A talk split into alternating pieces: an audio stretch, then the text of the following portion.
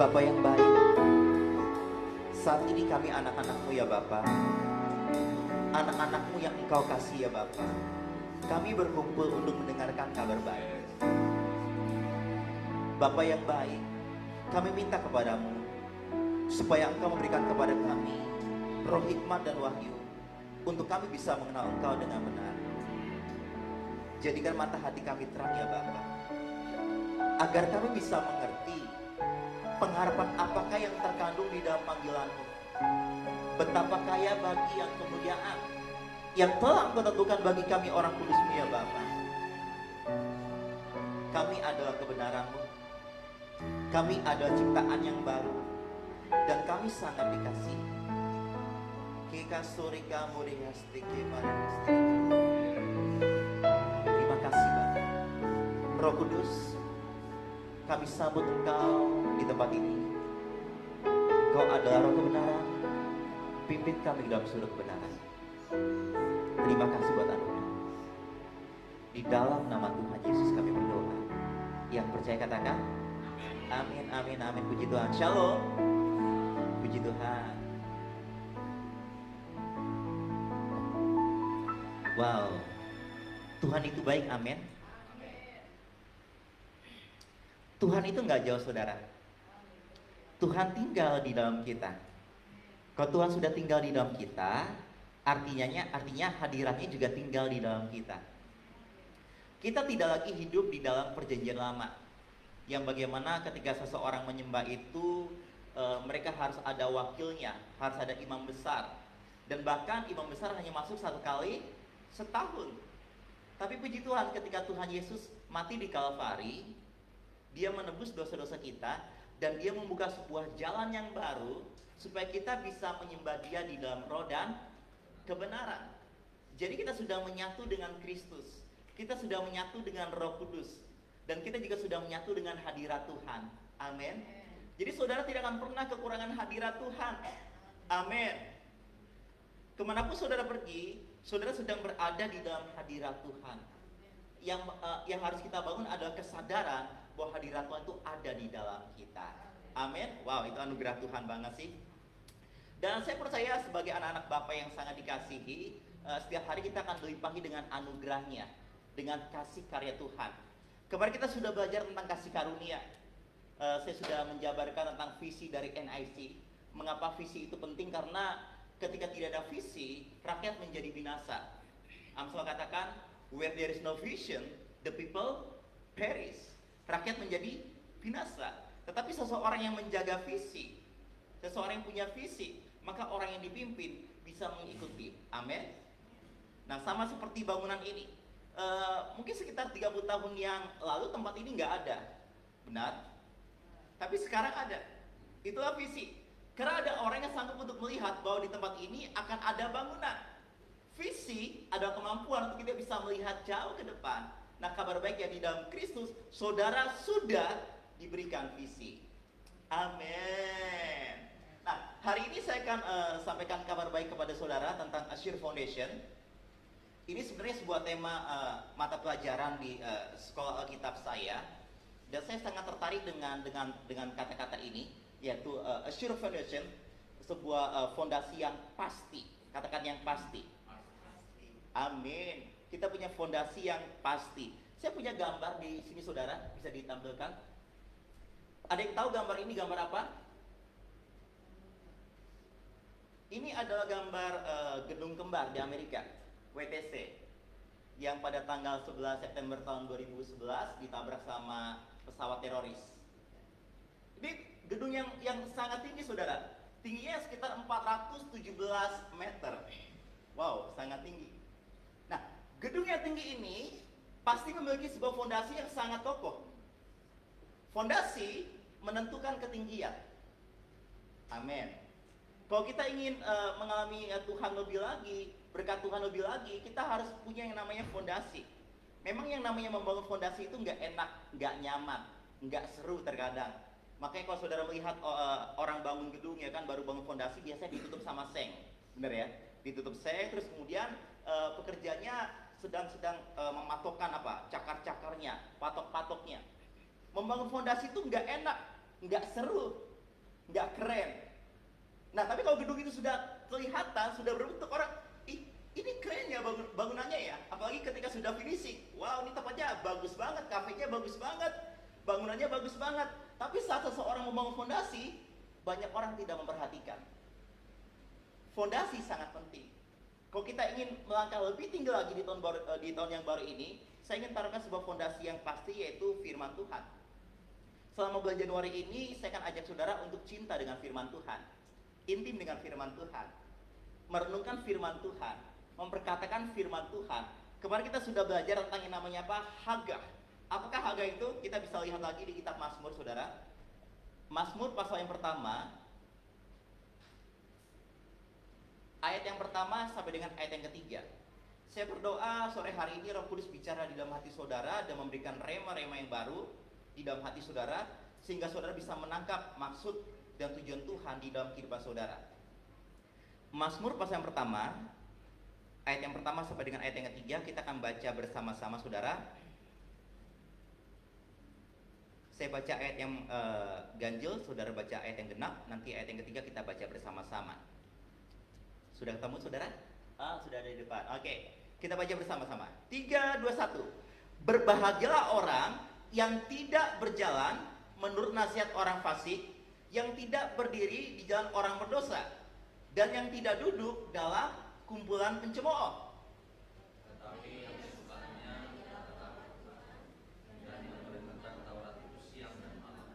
Ia seperti pohon yang ditanam di tepi aliran air yang menghasilkan apa? Buahnya pada musimnya dan yang tidak layu daunnya, apa saja yang diperbuatnya berhasil. Jadi Bapak mau supaya saya dan saudara itu berhasil. Tidak salah dengan apa? Berhasil.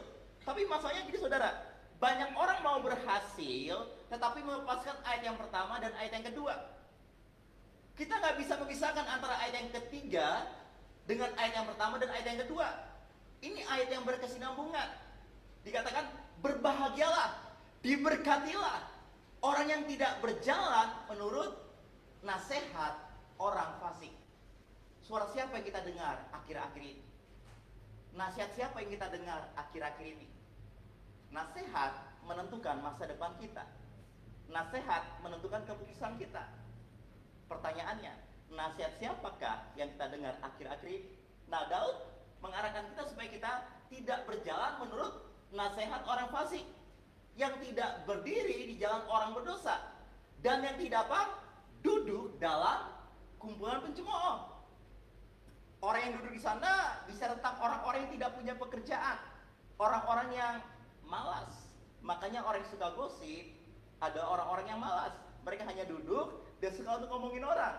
Tapi puji Tuhan, saya dan saudara tidak seperti itu. Amin. Gosip bukanlah identitas kita. Amin. Kita ada orang-orang yang sudah dikasihi, ditebus dengan darah yang mahal, kita sudah dibenarkan, dan Tuhan sudah ciptakan kita menjadi baru saudara. Amin. Perhatikan dengan siapa kita berkumpul.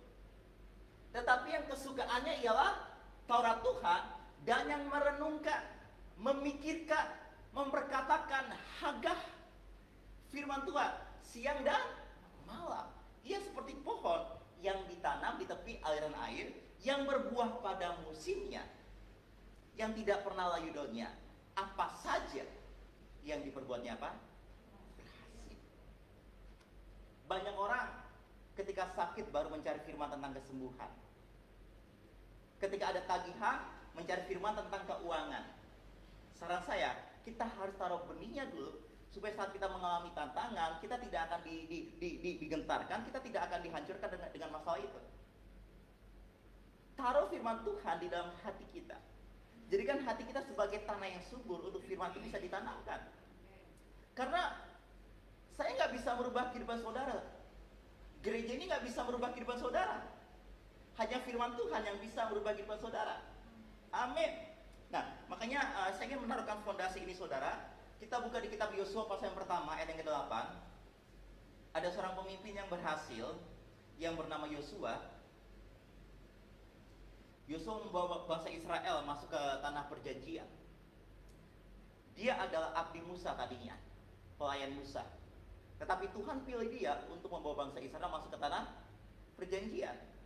Sebenarnya ini gambaran saudara bahwa Musa ini menggambarkan hukum Taurat tidak bisa membawa bangsa Israel masuk ke tanah perjanjian. Tetapi Yosua atau atau Yesus, Yesua Hamasia yang bisa membawa apa? Bangsa Israel masuk ke tanah perjanjian. Hukum Taurat tidak bisa membuat kita merdeka, tetapi Yesus yang bisa membuat kita merdeka. Nah, apa pesan Tuhan kepada Yosua? Dikatakan, janganlah engkau apa? Lupa memberkatakan kitab Taurat ini, tetapi renungkanlah itu siang dan malam supaya engkau bertindak hati-hati sesuai dengan segala yang tertulis di dalamnya sebab dengan demikian perjalananmu akan berhasil dan engkau akan beruntung. Engkau akan sukses. Engkau akan diberkati. Dan Yosua sadar akan kebenaran ini. Dan Yosua mau mengambil kitab Taurat. Dari kitab kejadian sampai dengan ulangan. Dan dia mau berkatakan kitab, kitab Taurat siang dan malam. Makanya sebagai pemimpin dia bisa memberikan pengaruh kepada orang-orang yang dia pimpin. Mengapa? Karena dia punya firman Tuhan kalau saudara ada seorang pemimpin, saudara harus punya firman Tuhan. Karena kita tidak bisa memimpin dengan efektif kalau kita tidak punya firman Tuhan. Bukankah Roh Kudus ada orang kebenaran? Bukankah Roh Kudus ada pemimpin? Dan sekarang dia tinggal di dalam kita. Masalahnya kita tidak mau mendengar suara Roh Kudus. Kita lebih suka mendengar perkataan manusia, Sarah manusia, nggak salah dengan Sarah manusia, tetapi kita tidak pernah memperhatikan suara yang ada di dalam kita. Still small voice suara yang sangat lembut yang yang akan memimpin kita ke dalam seluruh kebenaran. Nah, tema kita di tahun ini kita bicara tentang increase, tentang peningkatan. Kalau kita ingin mengalami peningkatan, kita harus uh, apa bersedia, kita harus dengan sengaja menaburkan firman di dalam hati kita, saudara. Sangat simpel pesannya. Saya ingin mengajak saudara untuk cinta dengan firman Tuhan, saudara. Amin. Nah, ada sebuah kisah yang menarik di kitab Matius pasal keempat.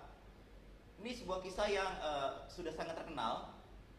Bagaimana ketika Tuhan Yesus dia dibaptis oleh Yohanes Pembaptis, terus kemudian ada pengakuan dari surga.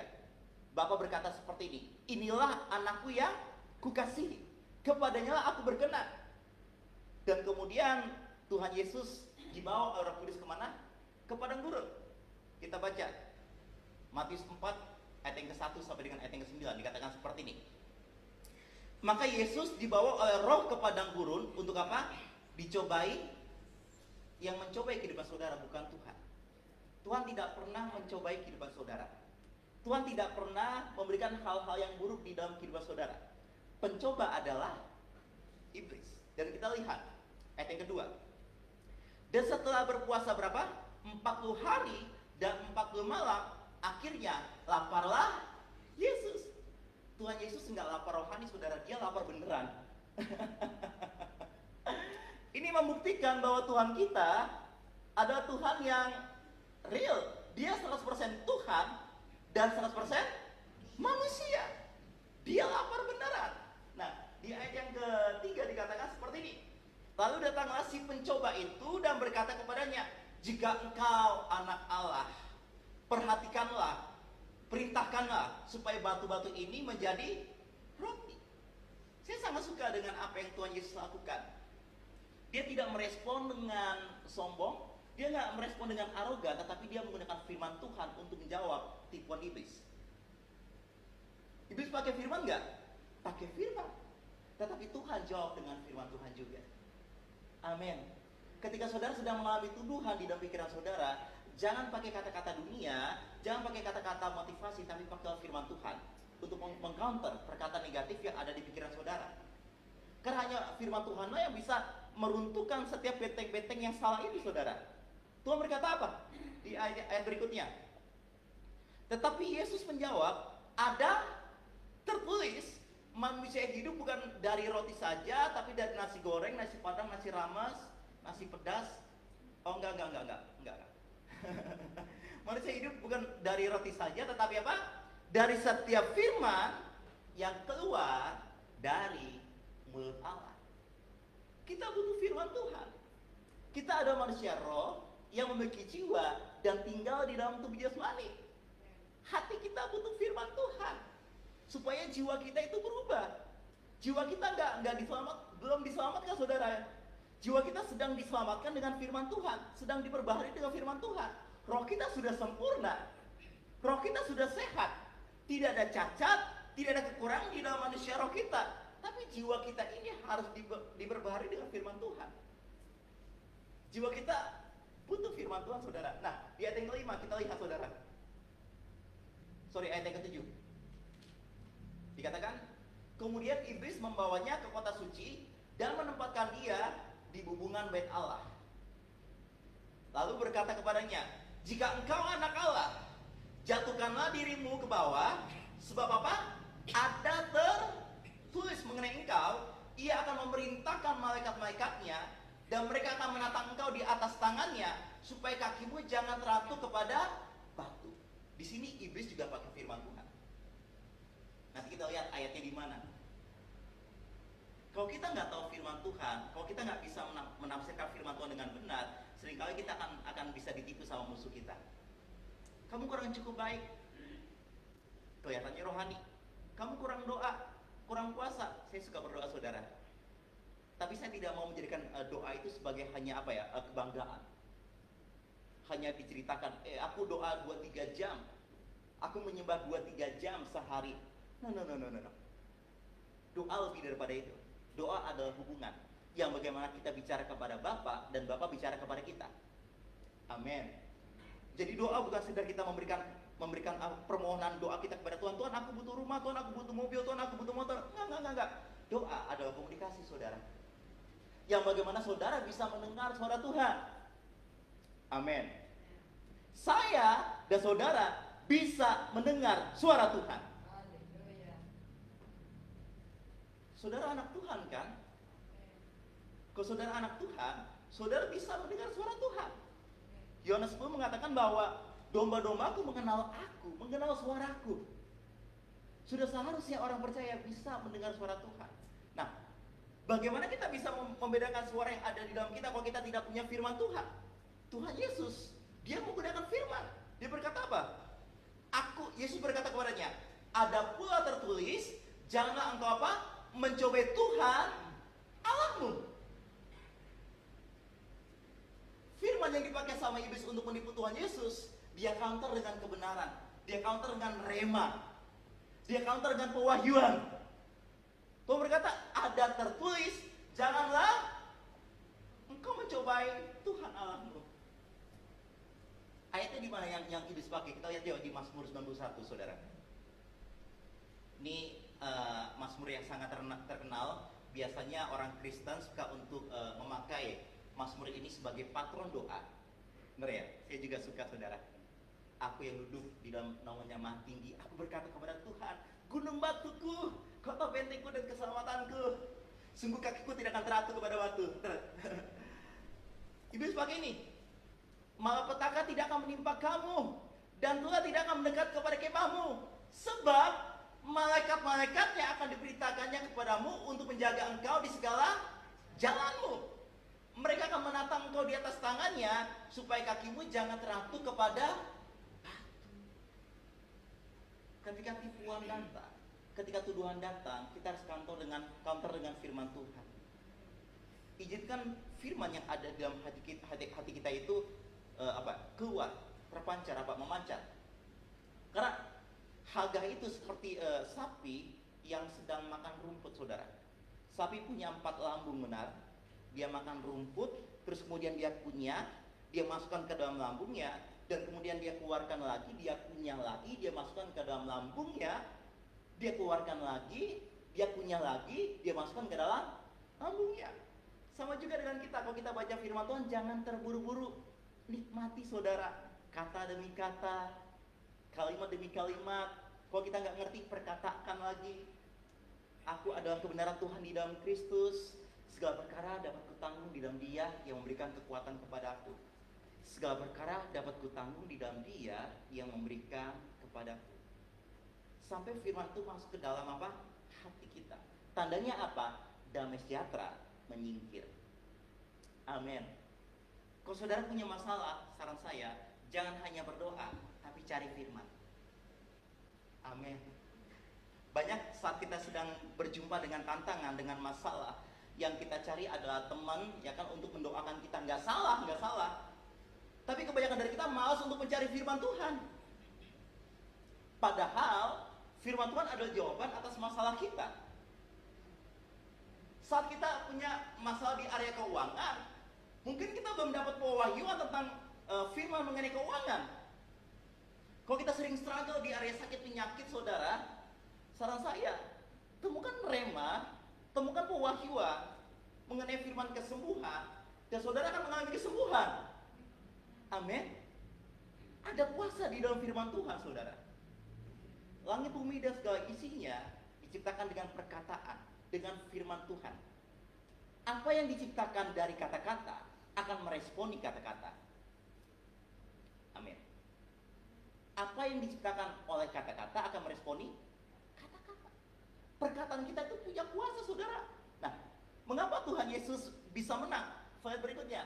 Kita akan lihat firman Tuhanlah yang membuat Tuhan Yesus menang dalam pencobaan. Kalau Tuhan Yesus pakai firman, kita pun juga harus pakai firman. Jangan pakai yang lain, saudara. Tuhan Yesus sudah kasih contoh. Ketika dia dicobai, dia tidak hanya berdoa, tapi dia counter dengan apa? Dengan firman Tuhan. Nah, banyak orang berpikir, ya, ya iyalah kan, kan dia Tuhan, kan dia yang punya firman, kan dia adalah firman sendiri. Uh, kita akan belajar apa yang Tuhan Yesus kerjakan ketika dia masih kecil. Jadi di, di Yahudi saudara kita bisa tampilkan slide berikutnya. Nah, kita belajar tentang pendidikan orang Yahudi. Ada yang namanya Bet Sefer, yang artinya adalah rumah buku. Ini adalah sekolah studi untuk anak-anak dari usia 6 sampai dengan berapa? 12 tahun. Biasanya mereka pergi ke sinagog dan kemudian rabi di sinagog itu akan akan mengajarkan firman Tuhan. Biasanya uh, mereka mulai dengan dengan ini. Uh, uh, rabi itu sudah siapkan madu, terus kemudian dia berkata seperti ini bahwa firmanmu lebih manis daripada madu, terus kemudian anak-anak itu disuruh disuruh apa? makan madunya. Jadi dia pakai alat peraga Tujuannya supaya anak-anak bisa paham bahwa firman Tuhan lebih manis daripada madu. Jadi dari usia 6 sampai 12 tahun, mereka harus belajar kitab Taurat dari kitab kejadian sampai dengan ulangan. Tadi saya ngobrol sama Ko Andre. Kok, kok, hafal nggak kok kitab kejadian sampai ulangan? Dia bilang, nggak hafal. Jangan sedih, saya juga nggak hafal. Tapi budaya Yahudi, anak-anak diajarkan dari dari umur 6 tahun sampai 12 tahun, mereka harus hafal di luar kepala kitab kejadian sampai dengan ulangan. Siapa yang uh, bisa uh, hafal bisa lambaikan tangannya saudara? Siapa yang tidak hafal bisa angkat tangannya? Puji Tuhan kita sama-sama tidak lulus SD.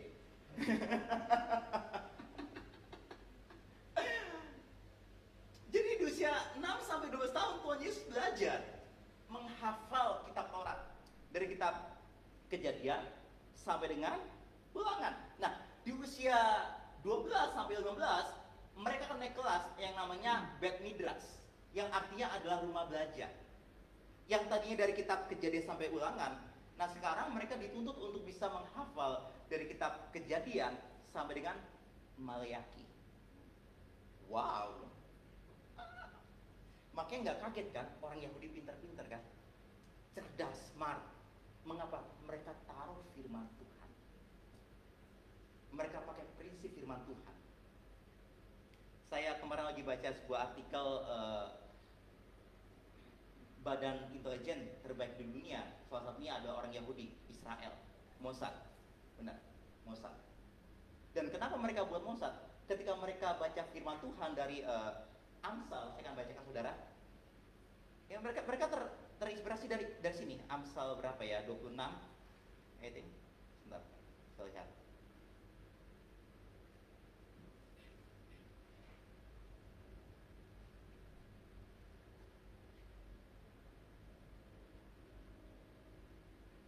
Amsal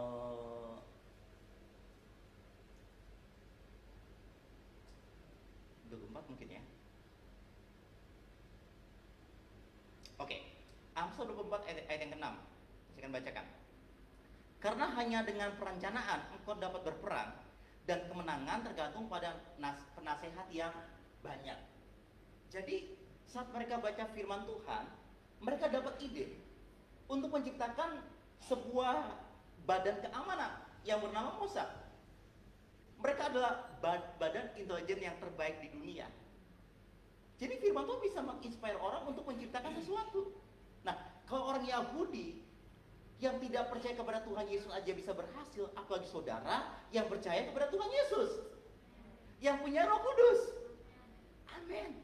Kita bukan hanya punya kitab kejadian sampai dengan Malayaki, kita punya kitab kejadian sampai dengan Wahyu. Ini sudah lengkap banget saudara. Dari permulaan zaman sampai Tuhan nanti akan datang yang kedua kali. Sudah sangat jelas. Ayo tertanam dengan firman Tuhan. Nah, kelas berikutnya adalah Betalmud yang bernama rumah guru. Nah, ini ini panjang banget. Dari usia 15 tahun sampai dengan 30 tahun. Tuhan Yesus melayani tahun, uh, di usia berapa?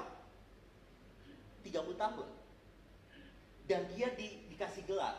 Gelarnya adalah rabi.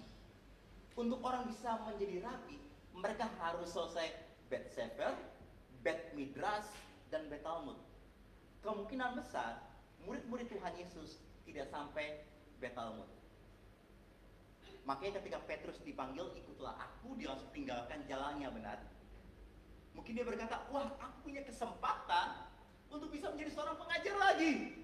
Karena ada seorang rabi yang bernama Yesus yang memanggil aku. Nah, untuk orang bisa selesai betalmud, dia harus belajar dari seorang rabi yang sangat terkenal di bait Allah di Yerusalem. Dan mereka harus ikuti teladannya. Ikuti contohnya. Harus ada tes. Nah, kalau mereka dites nggak nggak pintar, ya nggak nggak bisa. Makanya Tuhan Yesus itu pintar banget, saudara.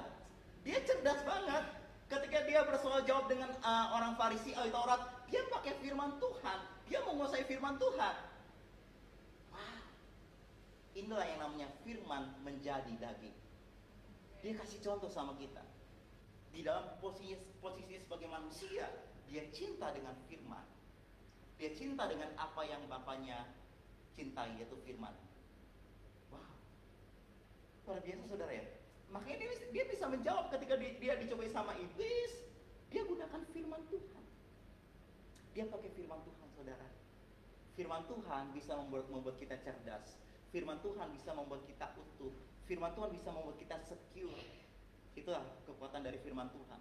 Nah, di bulan uh, Januari ini uh, saya kan mendorong saudara untuk cinta dengan firman Tuhan. Ayo baca, renungkan, perkatakan, nikmati firman Tuhan. Amin. Wow. Bisa tambahkan slide berikutnya. Ini tujuan kasih karya Tuhan saudara. Yohanes 3 16. Karena begitu besar kasih Allah akan apa? Dunia ini kasih Bapa, kasih Allah sangat besar terhadap saya. Jadi kan ayat ini make it personal secara pribadi. Karena begitu besar kasih Bapa kepada saya sehingga ia mengaruniakan memberikan anak yang tunggal supaya setiap orang yang percaya kepadanya tidak binasa melainkan apa? Beroleh hidup yang kekal. Hidup yang kekal bukan nanti di surga. Hidup kekal sudah dimulai saat ini. Saat kita menjadikan Tuhan Yesus sebagai Tuhan dan juru selamat pribadi, hidup kekal itu dimulai. Apa sih hidup kekal itu? Harus firman Tuhan yang menjawabkan. Di dalam Yohanes 17 ayat 3 dikatakan, inilah hidup yang kekal itu yaitu bahwa mereka mengenal engkau satu-satunya Allah yang benar dan mengenal siapa? Yesus Kristus yang telah engkau anugerah Tuhan, kasih Tuhan membawa kita kepada hubungan saudara. Kita bisa mengenal Bapa kita, mengenal Tuhan Yesus. Dari mana? Dari firman-Nya. Dari mana kita kita bisa tahu bahwa Tuhan kita suka menyembuhkan? Karena firman-Nya berkata bahwa Tuhan suka menyembuhkan orang-orang yang sakit. Dari mana kita tahu bahwa Tuhan itu suka untuk untuk memberkati kita? Karena firman-Nya mengatakan bahwa kita sudah diberkati di dalam Kristus. Inilah kasih karya Tuhan akan membawa kita kepada hubungan. Bukan sebuah tuntutan. Agama membawa tuntutan. Kamu harus begini dan kamu harus begitu. Tetapi Tuhan Yesus menghadirkan hubungan hubungan yang sangat intim, private. Dan di sinilah penyembahan saudara. Jadi penyembahan bukan hanya bicara tentang kita angkat tangan, terus kemudian kita bersorak di dalam gereja. Enggak, enggak, enggak, enggak. Penyembahan bicara tentang keintiman. Ketika ketika Adam dan Hawa intim, lahirlah siapa? Set. Di kitab kejadian pasal yang keempat. Worship itu keintiman. Maka dari itu, kalau kita tahu arti worship, arti penyembahan, kita menyembah Tuhan tidak akan dipaksa-paksa saudara. Amin. Amin. Itu akan lahir dari hati dengan sendirinya. Dan bahkan WL singer singer pun jangan jadi beban, tim PW pun jangan jadi beban seakan-akan mereka yang menghadirkan hadirat Tuhan turun ke tempat ini enggak, saudara. Enggak. Mereka membantu kita, menginspire kita untuk untuk penyembah Tuhan. Hadirat Tuhan sudah ada di dalam kita, saudara. Amin. Jadi jangan pernah batasi puja penyembahan hanya ada di gereja saja. Ingat kepada Tuhan Yesus, ingat kepada firman, itu penyembahan. Karena penyembahan bicara tentang hubungan. Amin. Penyembahan juga nggak bicara tentang bahasa roh. Saya nggak anti dengan bahasa roh, saya suka berdoa dalam bahasa roh. Kapan pun dan di mana pun. Karena ketika saya berdoa dalam bahasa roh, saya sedang dibangun saudara. Jiwa saya disegarkan. Saya sedang berkata-kata kepada Bapak. Dengan bahasa-bahasa yang saya tidak pelajari, tidak mengerti, tapi Bapak tahu. Dan saya juga sedang mendoakan hal-hal yang rahasia. Bukan rahasia buat Tuhan, Tuhan tahu semuanya, tapi rahasia buat saya. Makanya ketika saya berdoa di dalam, di bahasa roh, roh kudus singkapkan. Jadi ada untungnya saudara berdoa di dalam bahasa roh. Amin. Ayo, suka juga berdoa dalam bahasa roh. Ini nggak dosa kok, ini nggak aneh kok. Ya buat orang dunia mungkin uh, aneh, tapi buat orang percaya nggak aneh. Amin. Karena bahasa roh adalah bahasa doa bahasa keintiman juga. Amin. Amin. Kalau udah bicara tentang bahasa roh, ada uh, ini benar nggak ya? Oke, okay. Okay. Nah, saya akan ajak saudara untuk melihat uh, di kitab Ulangan pasal yang ke-28 ayat yang pertama. Ini ada, ini ada pesan Tuhan kepada bangsa Israel. Dikatakan seperti ini. Jika engkau baik-baik mendengarkan suara Tuhan Allahmu dan apa? Melakukannya dengan setia segala perintahnya yang kusampaikan kepadamu pada hari ini, maka Tuhan Allahmu akan mengangkat engkau di atas segala bangsa di bumi. Ingat ya, kita itu diberkati karena Tuhan Yesus. Bukan karena kita mengerjakan sesuatu. Kita mengerjakan sesuatu adalah respon iman kita. Kita diselamatkan bukan karena kita berbuat baik, perbuatan yang baik adalah buah dari keselamatan. Kita dibenarkan bukan karena kita melakukan tindakan yang benar. Kita dibenarkan karena ada satu pribadi yang tidak pernah berbuat dosa, tetapi saat dia ada di Kalvari, ya kan? Dia dijadikan berdosa karena kita, supaya di dalam dia, di dalam Yesus, kita menjadi orang benar. Maka dari itu, percaya bahwa kita sudah dibenarkan, maka kita akan mengerjakan tindakan yang benar, saudara. Kenapa banyak orang itu jatuh bangun, ya kan, hidupnya kayaknya nggak pernah kudus banget. Hidup tinggal diam di dalam dosa, karena gini-gini. Dia nggak bisa melihat dirinya sebagai orang kudus. Coba kalau, kalau dia bisa melihat bahwa saya ini orang kudus, saya sudah dikuduskan. Dan saya percaya kekudusan itu akan termanifestasi dengan sendirinya, nggak dipaksa-paksa. Amin. Lihatlah diri kita sebagai orang benar, maka tindakan benar itu akan termanifestasi saudara. Nah kalau kita nggak bisa melihat diri kita seperti apa yang Tuhan lihat, ya nggak kaget kalau kita jatuh bangun, jatuh bangun, jatuh bangun kan capek kan buang waktu kan. Makanya ayo lihat diri kita seperti apa yang Tuhan lihat. Bagaimana caranya lihat kepada firman Tuhan. Nah Tuhan berjanji kepada bangsa Israel bahwa Tuhan akan mengangkat bangsa Israel di atas segala bangsa. Apakah hal ini digenapi saudara? Yes, digenapi. Kita melihat sejarahnya, klik. Uh, izinkan saya untuk ceritakan sejarah dengan cepat saudara. Dari zamannya Daud sampai dengan zaman perang. Boleh saudara? Boleh? Daud adalah raja yang berhasil. Ketika bangsa Israel melihat bangsa di, di sebelah kiri, di sebelah kanan, mereka punya seorang raja, mereka iri. Mereka mau dipimpin langsung sama Tuhan. Makanya bangsa Israel meminta raja sama Tuhan. Dan Tuhan memberikan seorang raja yang bernama siapa? Saul. Saul memberontak, dia nggak nggak taat sama Tuhan, akhirnya Daud yang menggantikan Saul. Pada zaman kerajaan, uh, pada zaman uh, Daud, kerajaan Israel sangat berhasil, sangat terkenal, menguasai banyak bangsa, banyak musuh dikalahkan. Filistin nggak bisa berbuat apa-apa. Dan kemudian jatuhlah ke tangan anaknya siapa? Salomo. Daud orang yang uh, perfect nggak, saudara? Orang yang sempurna nggak? Enggak juga. Tapi anugerah Tuhan yang memampukan Daud untuk untuk berhasil memimpin sebuah kerajaan. Sama juga dengan saudara. Kita nggak bisa menjadi uh, sukses tanpa anugerah Tuhan, saudara. Kita butuh anugerah Tuhan. Ketika zaman Salomo makin besar lagi Salomo membangun bait suci yang sangat enggak, sangat luar biasa. Dan bahkan ada seorang ratu dari selatan, dia penasaran, katanya raja ini penuh dengan hikmat. Dan dia mempersembahkan korban yang sangat luar biasa, kasih persembahan yang sangat mahal. Kenapa? Karena dia ingin belajar dari Salomo. Tahukah saudara, Tuhan Yesus melebihi Salomo. Dan bahkan Tuhan Yesus sudah dijadikan hikmat bagi kita. Yakobus katakan kalau kita kekurangan hikmat, mintalah maka dia akan berikan kepada kita. Saudara punya wisdom untuk tahun 2022. Amin. Yes. Berhasil di zaman Salomo. Nggak taat. Akhirnya apa? Kerajaan Israel ter terpecah. Satu kerajaan utara dan satu kerajaan Yehuda. Dan dan akhirnya mereka nggak taat sama Tuhan, mereka menyembah berhala dan akhirnya mereka masuk ke dalam pembuangan selama berapa tahun? 70 tahun. Di Babel. Nah ketika mereka berada di, di dalam pembuangan, saudara, bait suci yang megah, yang bagaimana hadirat Tuhan ada, itu diruntuhkan sama Nebukadnezar. Dan pada zaman Ezra dibangun kembali. Terus bergerak zaman media, zaman Persia, orang Yunani, makanya jangan kaget kalau saudara melihat bahwa Alkitab dicatat dalam bahasa Yunani.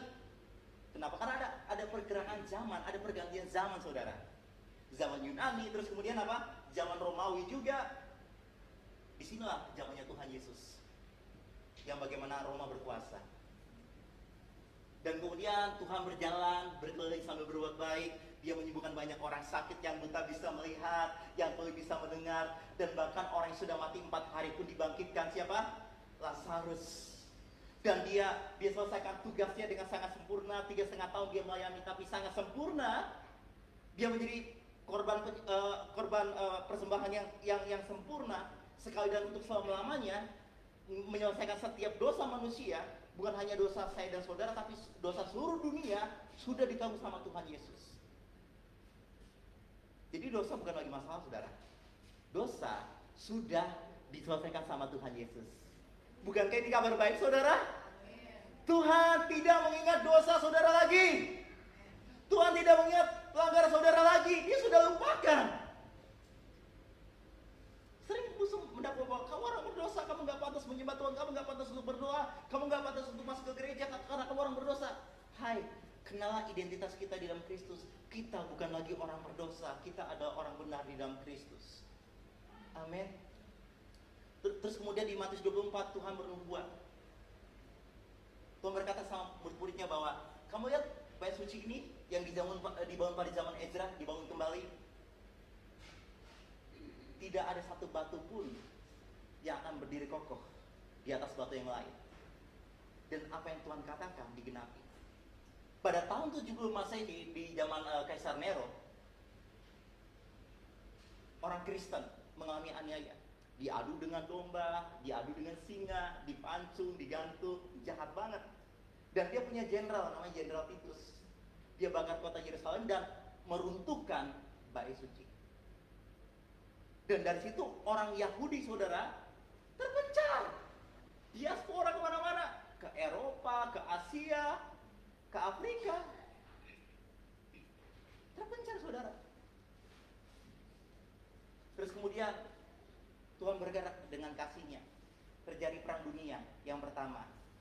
Yang bagaimana waktu itu uh, Turki menguasai uh, bangsa Israel. Israel berada di tangannya Turki. dari zaman Romawi, terus kemudian jatuh ke Arab, Romawi lagi, Arab lagi, masuk ke Turki. Pada zaman Turki terjadi perang dunia pertama dan Inggris menang. Inggris bersama dengan sekutunya menang dan Inggris memberikan tanah itu kepada orang Yahudi karena Inggris tahu bahwa ya ini punya mereka. Inggris kasih kepada orang Israel, bangsa Yahudi. Nah, di tahun 1948 Israel merdeka. Saudara bayangkan, bangsa yang sudah terpisah, terpencar selama 2000 tahun berkumpul kembali. Itu kok bukan tangan tangan Tuhan? Gak mungkin, saudara. Nggak mungkin.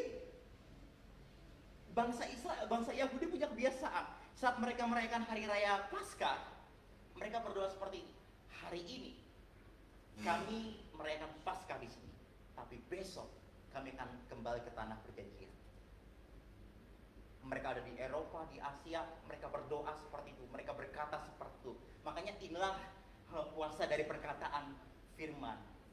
Dia memperkatakan firman dan hal itu terjadi. Tahun 1948 Israel apa? Berdiri menjadi sebuah negara yang sah. Wow. Dan bukankah ini dibuatan dalam kitab suci tentang akhir zaman? Kalau saudara ingin belajar akhir zaman, lihat kepada Israel. Tuhan berkata, e, tariklah perumpamaan dari pohon ara. Jika dahannya sudah melembut, waktunya sudah tidak lama lagi. Pohon ara menggambarkan Israel dan Israel setelah ribuan tahun, hampir 2000 tahun terpencar diaspora. Tapi di tahun 1948 Tuhan bentuk menjadi negara yang kuat. Wow. Ini penggenapan-penggenapan janji janji Tuhan, Saudara, penggenapan firman Tuhan. Apakah orang suka ketika Israel berdiri menjadi sebuah bangsa, eh, bangsa atau mungkin negara? Nggak suka. Baru berdiri, dikepung sama lima negara. Kan kacau kan? Ini negara baru terbentuk nih, belum banyak orang, belum banyak penduduknya, diserang sama Libanon, Iran, Yordania, Mesir, Arab. Jangan bilang ini perang agama, saudara. Libanon kebanyakan Kristen, tapi menyerang Israel. Tahun 48, lima negara itu menyerang Israel. Tapi kalah, saudara. itu kok bukan tangan kekuasaan Tuhan? Gak mungkin. Karena ada janji Tuhan. Terus kemudian terjadi perang enam hari saudara di tahun 1967. Israel tahu bahwa lima negara ini akan menyerang lagi. Iya dia serang. Enam hari menang. Bukankah itu yang dikerjakan sama Yosua ketika dia berperang melawan Yeriko? Apa yang dia kerjakan? Muter kota Yeriko, bener ya? Selama sekali selama enam hari pada hari yang ketujuh dia muter tujuh kali dan kemudian pada hari yang ketujuh ketika dia mendengar bunyi sangkakala uh, apa yang dilakukan sama bangsa Israel bersorak yeay dan tembok runtuh eh mereka itu nggak berdoa loh jadi jangan tafsirkan ini sebagai doa keliling ya uh, saya nggak arti dengan doa keliling tapi tapi uh, jangan tafsirkan ini sebagai doa keliling karena mereka tidak berkata-kata mereka hanya diam selama enam hari baca Alkitab saudara dan pada hari yang ketujuh, ketika mereka mendengar bunyi sangkakala, sebenarnya gambaran uh, sangkakala itu kan terbuat dari tanduk domba. Domba itu menggambarkan tentang pengorbanan Kristus. Jadi ketika kemenangan Kristus di, diperdengarkan, tembok runtuh. Uh. Dan mereka masuk dan mereka menang.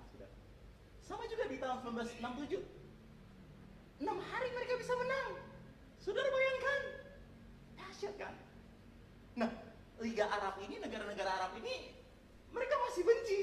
Kok kita bisa kalah terus ya sama Israel ya? Ini negara kecil, saudara. Saudara lihat di peta deh, sangat kecil. Penduduknya juga waktu itu belum banyak. Tapi mereka bisa menang.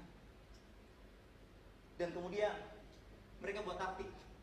Ketika mereka sedang merayakan hari raya Yom Kippur, ini hari raya uh, apa namanya penebusan. Mereka sedang mereka hari raya diserang lagi saudara. Apakah mereka bisa menang? Tidak bisa. Karena peperangan bukan punya Israel.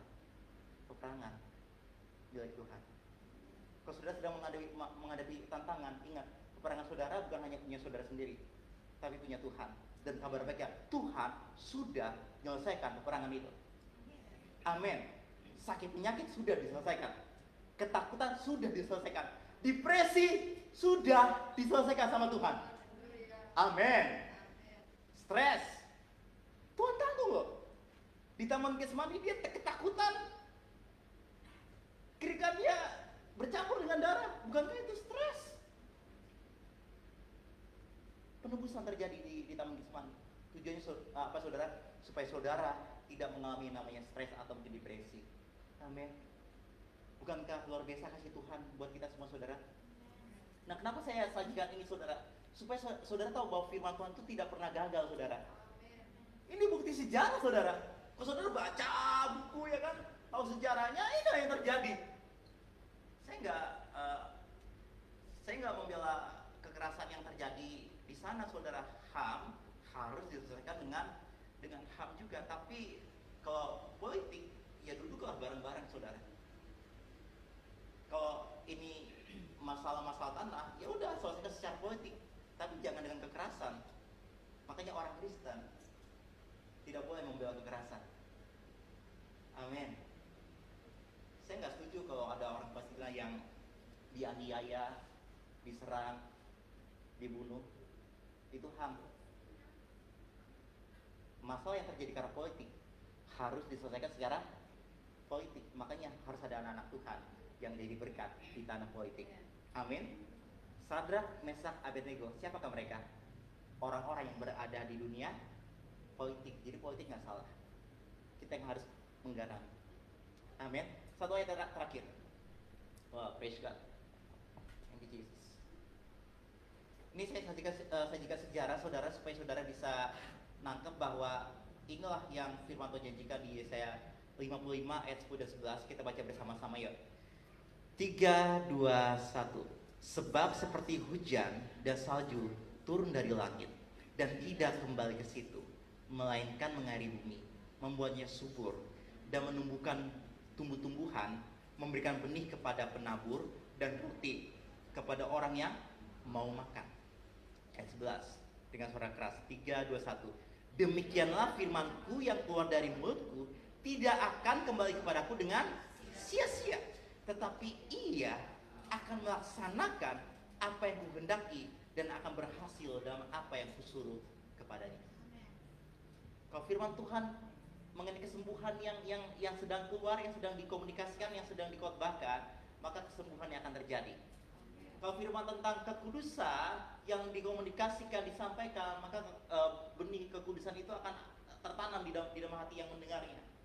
Jika firman Tuhan mengenai mengenai keuangan, maka paradigma orang mengenai keuangan juga akan dirubah. Itu kuasa firman Tuhan, saudara. Amin. Setiap firman yang dilepaskan tidak akan pernah kembali dengan sia-sia. Tetapi hal ini tidak terjadi begitu saja, saudara. Butuh respon daripada si pendengar.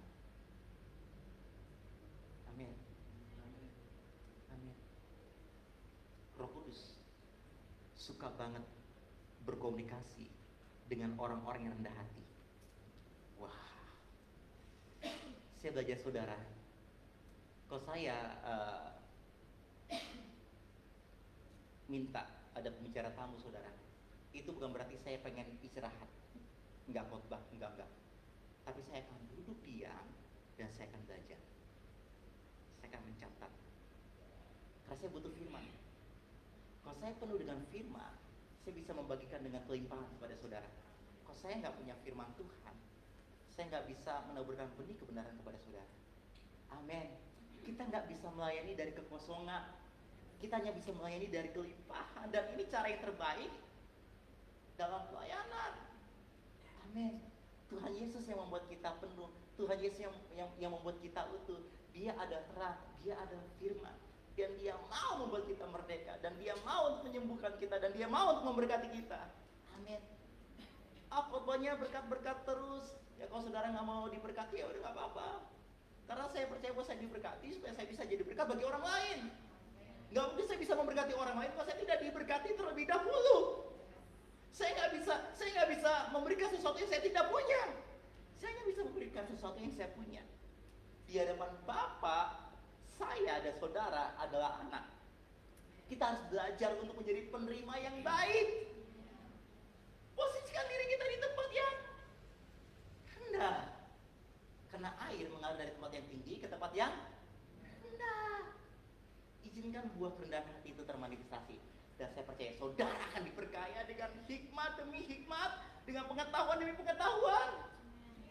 Sehingga saudara bisa mengenal apa sih tujuannya dari penebusan Kristus. Apa sih hidup yang kekal itu ternyata mengenal dia satu-satunya Allah yang benar. Amin. Yes. Kalau kita sudah penuh dengan firman nih, uh, saat ada godaan, ada sakit mulai untuk berkata di, kepada tubuh kita, kita kan cepat-cepat tolak. Aku nggak setuju dengan hal ini. Aku sudah tebus dengan darah yang mahal. Tuhan sudah menanggung sakit penyakitku. Aku nggak mau izinkan sakit penyakit terjadi atas hidupku. Amin. Ini bukan perkataan sombong saudara. Ini adalah perkataannya rendah hati. Rendah hati menurut Tuhan berbeda dengan rendah hati menurut manusia. Rendah hati menurut Tuhan kita sepakat dengan firman-Nya. Amin. Kalau firman mengatakan bahwa saudara saudara itu diperkaya di dalam Kristus, saudara sepakat aja dulu. Terima aja dulu. Saya akan close dengan cerita kesaksian seorang hamba Tuhan yang bernama Kenneth Copeland. Dia ketika baca firman Tuhan dia dapat rema tentang tentang tentang kemakmuran. Dan ketika dia khotbahkan dia harus makmur nggak? Enggak sepatunya masih robek-robek. Tapi dia, dia dapat firman nih saudara. Dia dapat rema dan dia khotbahkan. Dan banyak orang mengejek dia kamu berkhotbah nggak benar kamu berkhotbah dan bahkan dari hamba Tuhan yang berpengaruh pada zamannya tapi dia konsisten dengan apa yang dia dapat daripada Tuhan. Hingga suatu hari Tuhan berkata sama dia, kamu beli tanah. Dan dia berkata sama Tuhan, Tuhan aku nggak punya uang Tuhan. Jangan batasi Tuhan karena keuangan. Amin. Jangan batasi Tuhan karena keuangan. Jangan jadikan keuangan itu sebagai masalah yang besar. Keuangan adalah hal yang paling terkecil di dalam kerja sorga. Bukankah itu di, di, dikatakan oleh kita? setia dengan perkara kecil. Kalau kita bisa handle perkara yang kecil, kita bisa handle perkara yang besar. Apakah perkara yang kecil itu keuangan? Dan kemudian dia mau, oke okay, Tuhan, aku percaya dengan apa yang kau firmankan, aku percaya bahwa firmanmu adalah kebenaran. Dan aku sepakat dengan firmanmu. Dan singkat cerita Tuhan buka jalan untuk dia bisa membeli tanah. Dan ketika dia beli tanah, dicek saudara, di bawah tanah itu ada gas dan minyak bumi. Gimana nggak kaya? Wow, dahsyat kan? Kok bangsa Israel bisa berhasil? Yang bagaimana mereka hanya pegang dari kitab kejadian sampai dengan Malayaki? Saudara punya lebih. Saudara lengkap. Saudara punya punya perjanjian baru dan saudara punya pengajar namanya ada Roh Kudus. Amin. Oh, kalau belum belum belum mengalami. Alah, saya udah nangkep firmannya, tinggal termanifestasi aja. Itulah visi. Sesuatu yang kita lihat ke depan. Mungkin belum terjadi sekarang, tetapi kita bisa melihatnya jelas. Pasti akan terjadi. Ada generasi yang bangkit, generasi yang diberi kasih karunia dan kebenaran, sehingga hidup mereka bisa berbuah dan berdampak bagi dunia. Dan saya sudah melihat jelas itu. Dan ketika Kenneth diberkati, apakah dia cinta uang? Enggak. Karena dia tahu Tuhan ada sumber keuangannya. Tuhan ada sumber kehidupannya, bukan bukan pelayanannya, bukan mini, bukan ministrinya, bukan gasnya, bukan industrinya, enggak. Bapak, Tuhan. Dan dia menjadi penabur yang sangat luar biasa. Banyak orang serang dia, oh ini teologi kemakmuran nih, jangan diajarkan. Saudara, tidak ada teologi kemakmuran di Alkitab. Nggak ada saudara, ini cuma istilah yang diberikan sama para teolog saudara. Amin. Ayo baca dong Alkitabnya. Abraham makmur nggak? Ishak makmur nggak? Tuhan Yesus makmur nggak? Saudara makmur nggak? oh, langsung inget ke kantong kan, inget ke saldo kan? Makmur tinggal 20 ribu lihat diri kita sebagai orang yang makmur lihat diri kita sebagai seorang pemberi sama seperti Kenneth Copeland ini pakai uangnya untuk Injil. Bonke menginjil di Afrika, dia sumbang. Satu dua juta? Enggak. Lebih dari satu T. Satu triliun. Ditaburkan untuk Injil. Tuhan suruh dia, uh, Kenneth, kamu uh, kasih pesawatmu. Ini dia kasih aja. Kan pesawat punyanya Tuhan kan? Ya ditaburkan. Wow. Ini, ini, kan khotbahnya udah habis, udah habis, udah habis, udah habis katanya. Oke, sore hari ini saya mengajak saudara ayo cinta dengan firman Tuhan. Nikmat, nikmati firman Tuhan. Nikmati kabar baik. Jangan batas Tuhan karena keadaan saudara. Jangan batasi Tuhan karena keadaan saudara. Jangan batasi Tuhan karena keadaan saudara saat ini. Izinkan firman Tuhan merubah gambaran negatif itu. Memperbesar kapasitas hati kita. Dan saya percaya hal yang baik akan termanifestasi. Amin. Mari kita berdiri saudara. Praise God.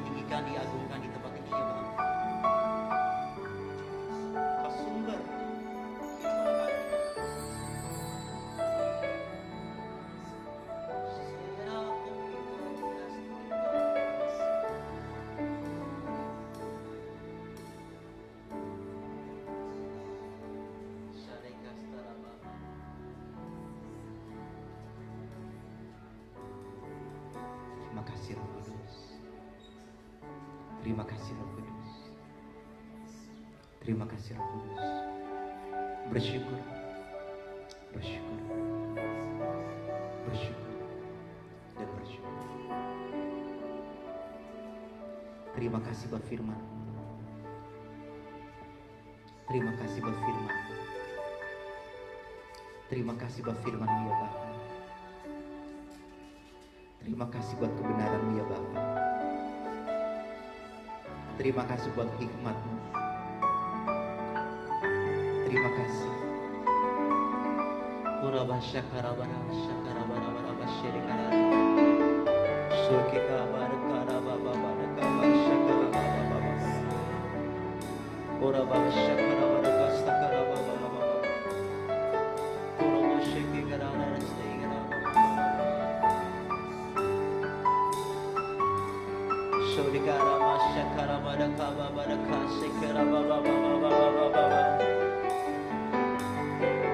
Berbesar hatimu.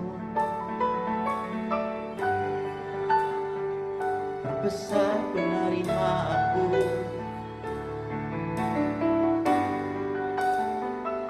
Sodikara masyakuru muhukika Seke mahara baba Beban di pikiran Sembuh di dalam nama Tuhan Yesus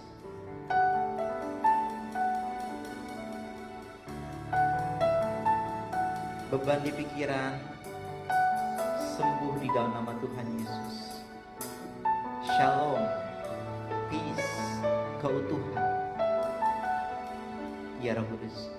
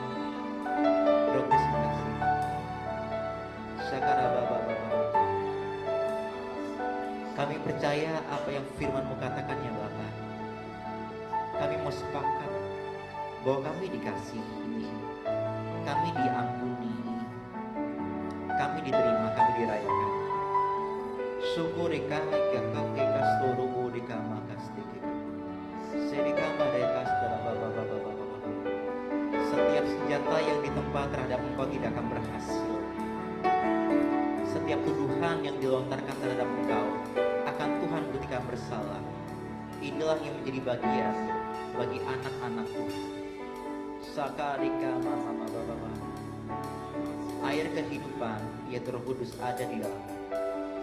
Still small voice. Sakaramadika baba baba Sorika mama mama baba Sakara baba baba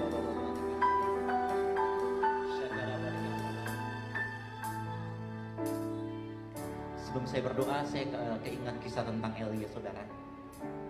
Ketika dia mengalami kemenangan, kemenangan yang sangat besar, dia baru membunuh 450 Nabi Baal.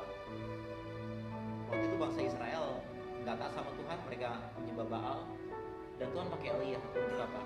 Untuk bicara kebenaran. Dan dia baru mengalami kemenangan besar.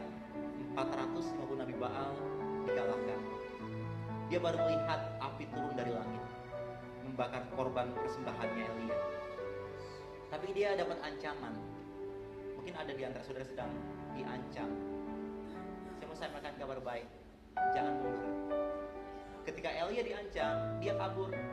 Dia lari ke padang gurun dan dia berkata seperti ini. Sudahlah Tuhan, cukuplah Tuhan, aku mati saja. Padahal dia baru mengalami kemenangan besar.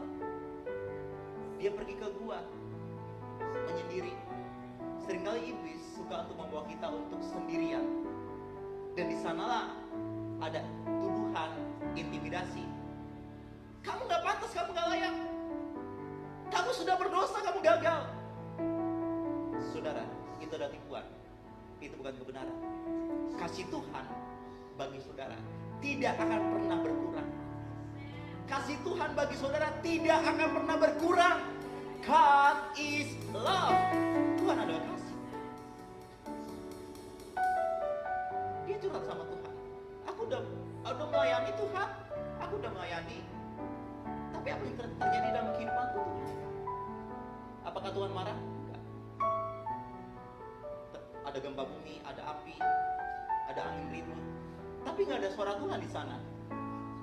Dan kemudian di dalam gua, saya percaya Roh Kudus ingin bicara kepada saudara sore hari ini secara pribadi. Di dalam gua, Elia merasakan ada angin sepoi-sepoi basah. Dan firman Tuhan datang kepada Elia. Apa kerjamu di sini, hai Elia? Sebuah suara yang tidak diduga.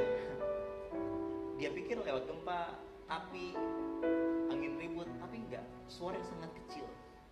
Angin sepoi-sepoi basah. Tapi biarpun kecil, tapi sangat jelas.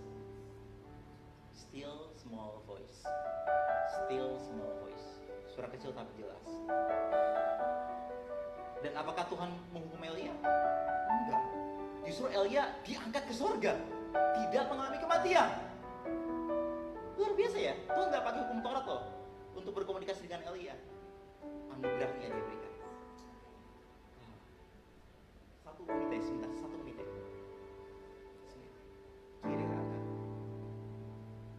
Ya Tuhan, kami mau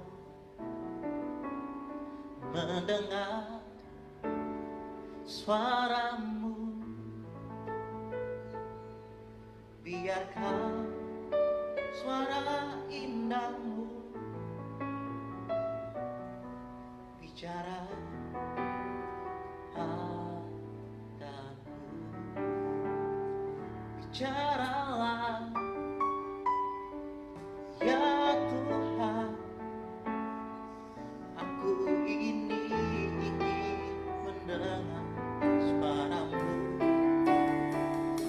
child.